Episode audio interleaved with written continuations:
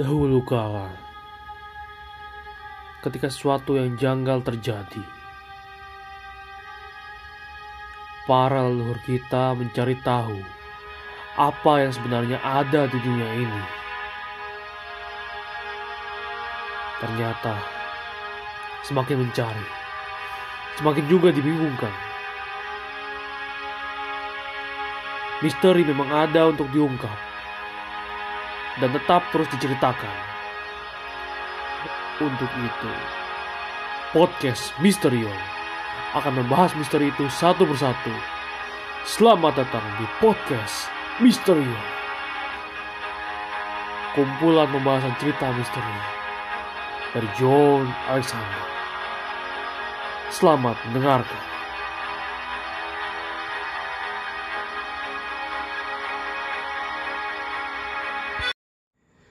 Selamat datang kembali di podcast Misterion. Bertemu kembali bersama saya, John. Dan kita sudah sampai di podcast chapter ke-8. Dan kali ini kita akan membahas tentang sebuah mitos. Kita akan kembali membahas tentang berbagai macam hal aneh di dunia ini. Hewan-hewan aneh atau makhluk-makhluk yang masih belum jelas informasinya. Dan kali ini gue akan membahas tentang Simang atau yang dikenal sebagai rahib laut. Beberapa kejadian akan sebuah makhluk misterius yang sering kali terjadi. Seperti kejadian bangkai makhluk di Sokalin yang membingungkan sampai lobster yang menjadi sejarah dari masa ke masa. Namun, ada makhluk lain yang terdampar, yaitu Simang alias rahib laut. Kemunculannya membingungkan penduduk selama bertahun-tahun. Jadi Simang ini uh, diambil dari kata si, laut, dan mang, M-O-N-K. Mong itu kalau misalkan diterjemahkan bisa jadi kayak rahib atau biksu ya, teman-teman. Simang adalah nama yang diberikan pada monster laut yang muncul di Orsund, selat di antara pulau Shetland, Denmark, dan Swedia, sekitar tahun 1546. Makhluk ini digambarkan seperti bersisik, berkaki seperti sirip atau tentakel, dan dua buah tangan melengkung ke atas seperti kurva. Memiliki kepala seperti manusia, terlihat berjubah Panjangnya dikatakan 4 els atau sekitar 2,5 meter. Dan yang membuatnya dinamai simang atau rahib laut adalah ciri khususnya yaitu kepalanya yang seperti rahib atau biksu pada zaman itu. Makhluk ini ada di dalam buku karya besar Konrad Kester yaitu Historiae Animalium atau Histories of Animals. Kemisteriusan ini menarik seorang psikologis Zepetus Trenstrup yang mengatakan makhluk ini adalah cumi-cumi raksasa pada tahun 1850.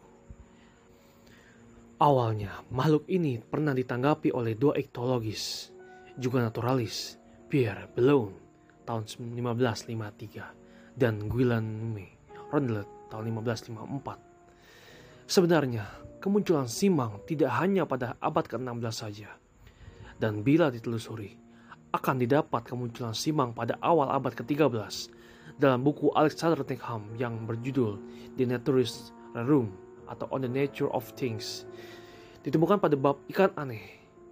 Ikan yang dikatakan mirip rahib. Penjelasan lebih lengkap diberikan oleh polimatik abad 13 yaitu Albertus Magnus pada karyanya De Animalibus. Dan salah satu isinya tertulis Monacus maris atau beberapa orang yang mengatakan simang adalah ikan yang biasa terlihat di laut Inggris. Ikan ini putih dengan kepala terdapat lingkaran hitam seperti rahim yang dicukur.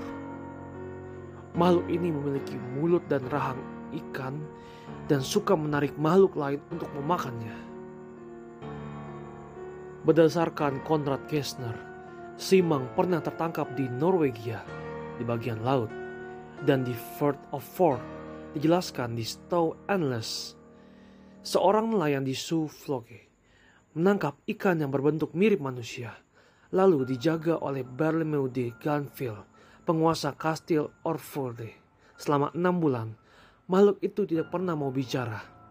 Dan cara makannya biasa, tetapi menjadi rakus ketika diberi ikan mentah.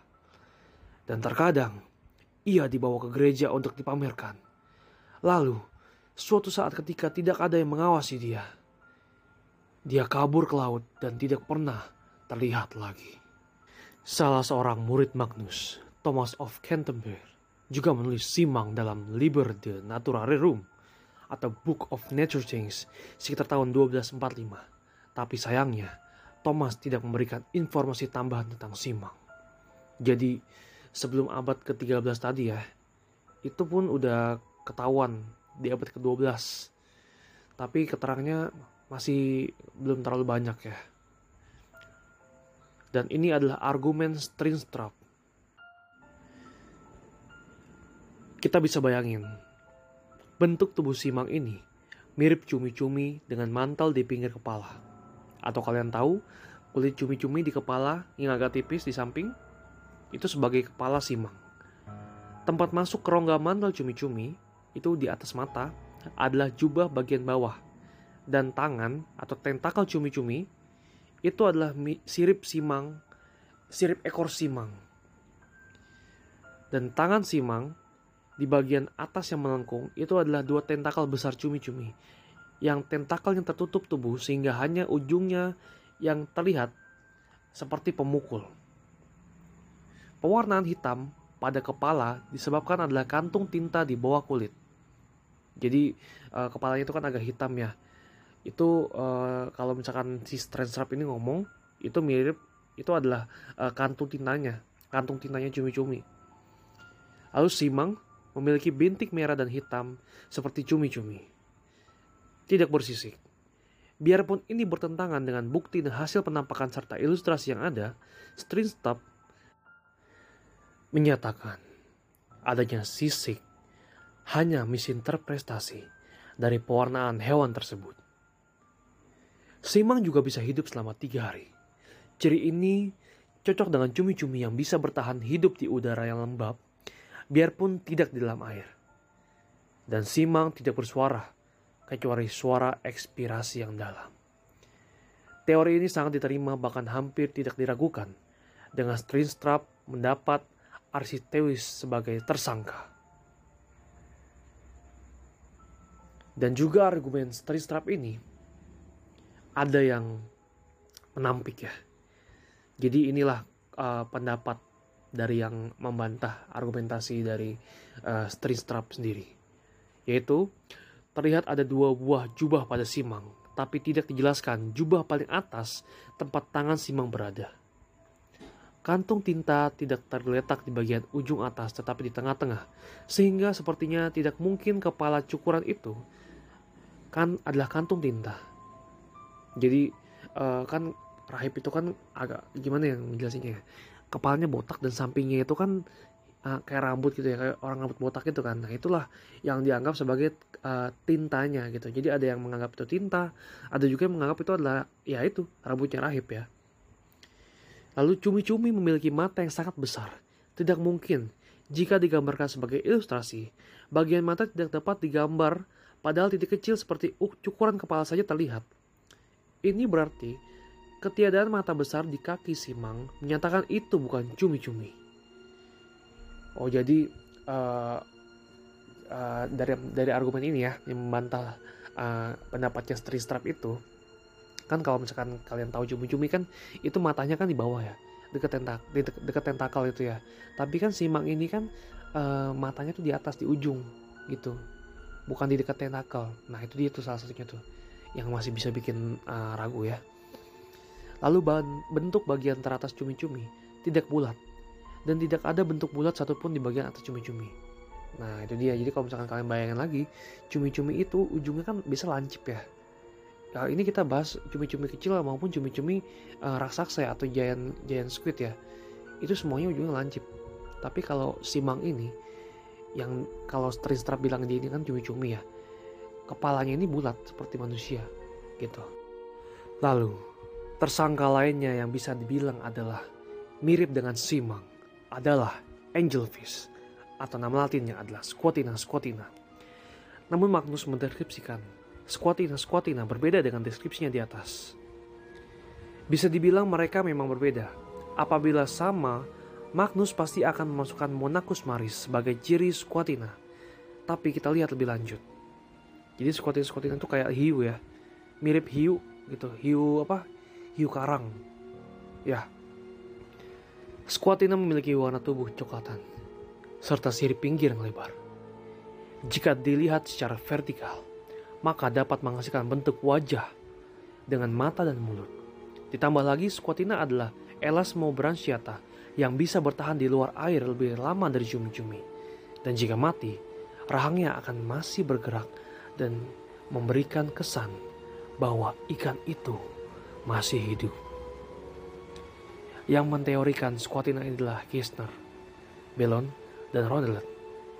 Biarpun mereka tidak pernah melihat spesimennya, beberapa kelemahan teori ini adalah teori squatina tidak bisa menjelaskan lingkaran hitam di kepala karena seluruh warna tubuh Scotina adalah kecoklatan.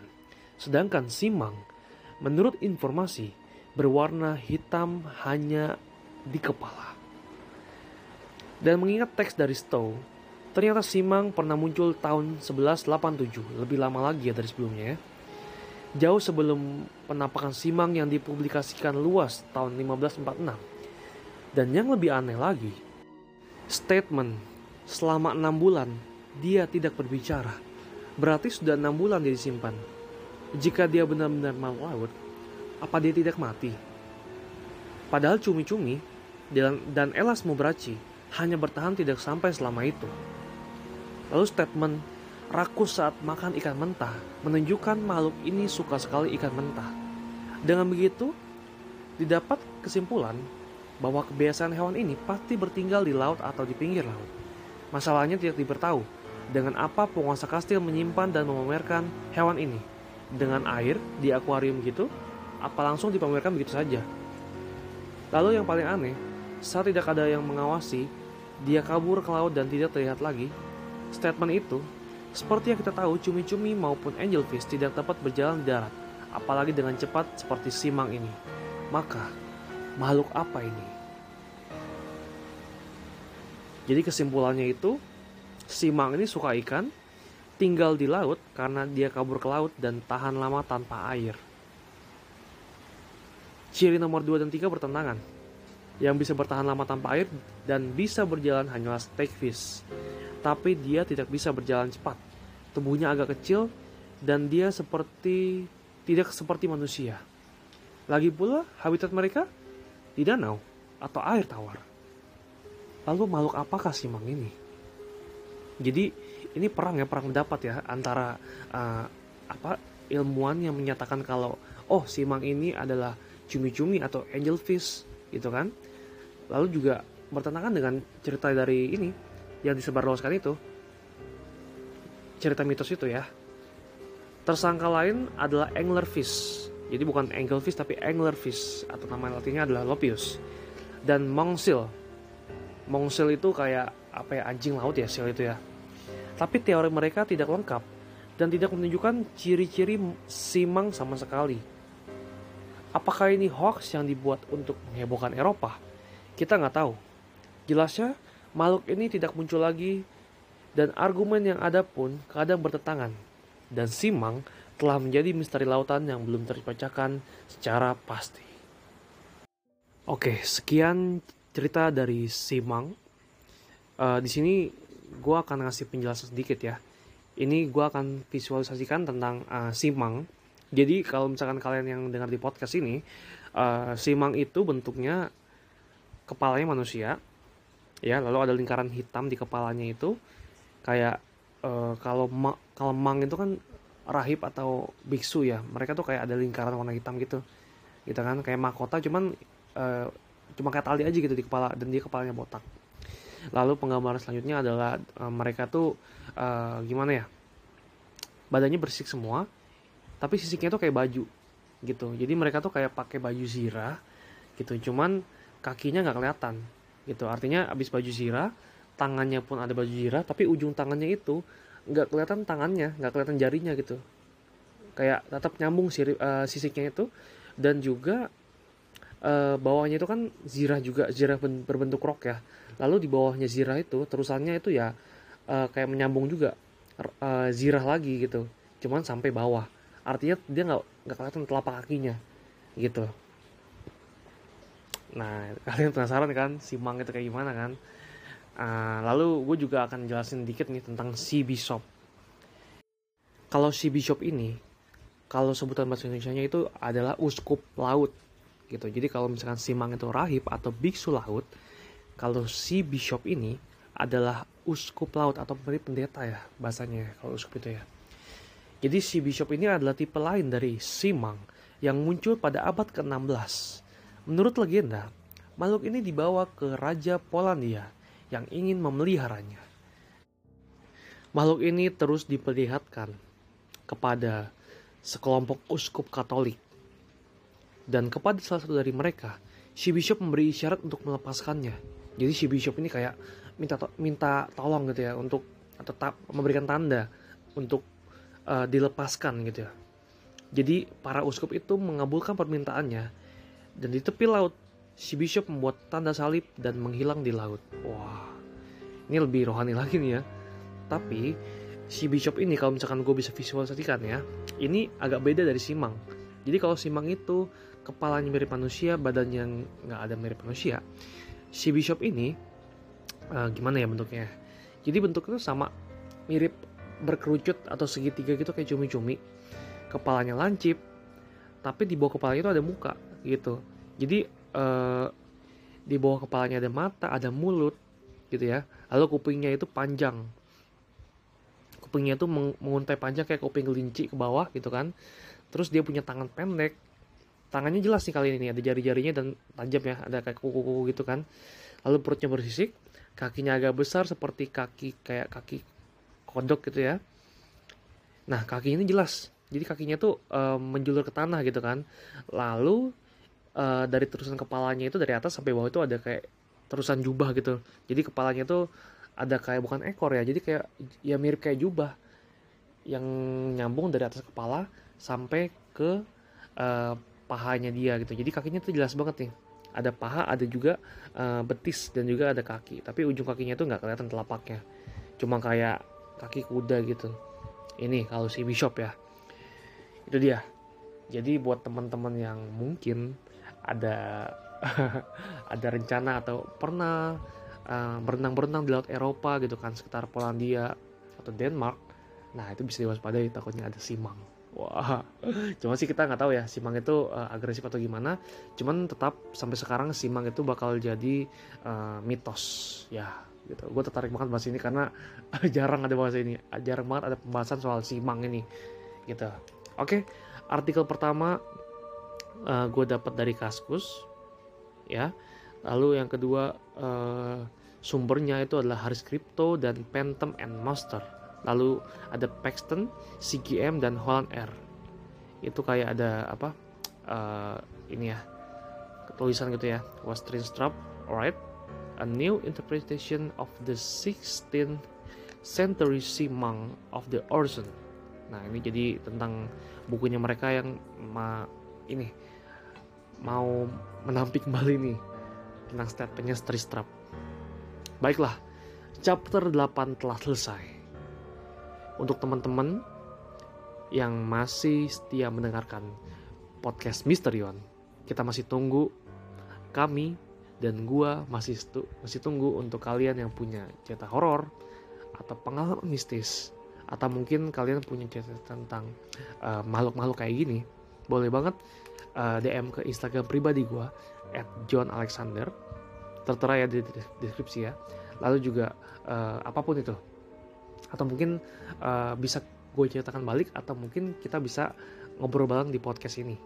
Gitu. Jadi masih gue tunggu untuk teman-teman yang punya cerita itu. Baiklah. Sekian dan terima kasih banyak sudah mendengarkan podcast Misterion chapter ke-8 ini. Sampai jumpa di podcast Misterion episode selanjutnya. Dan salam Misterio.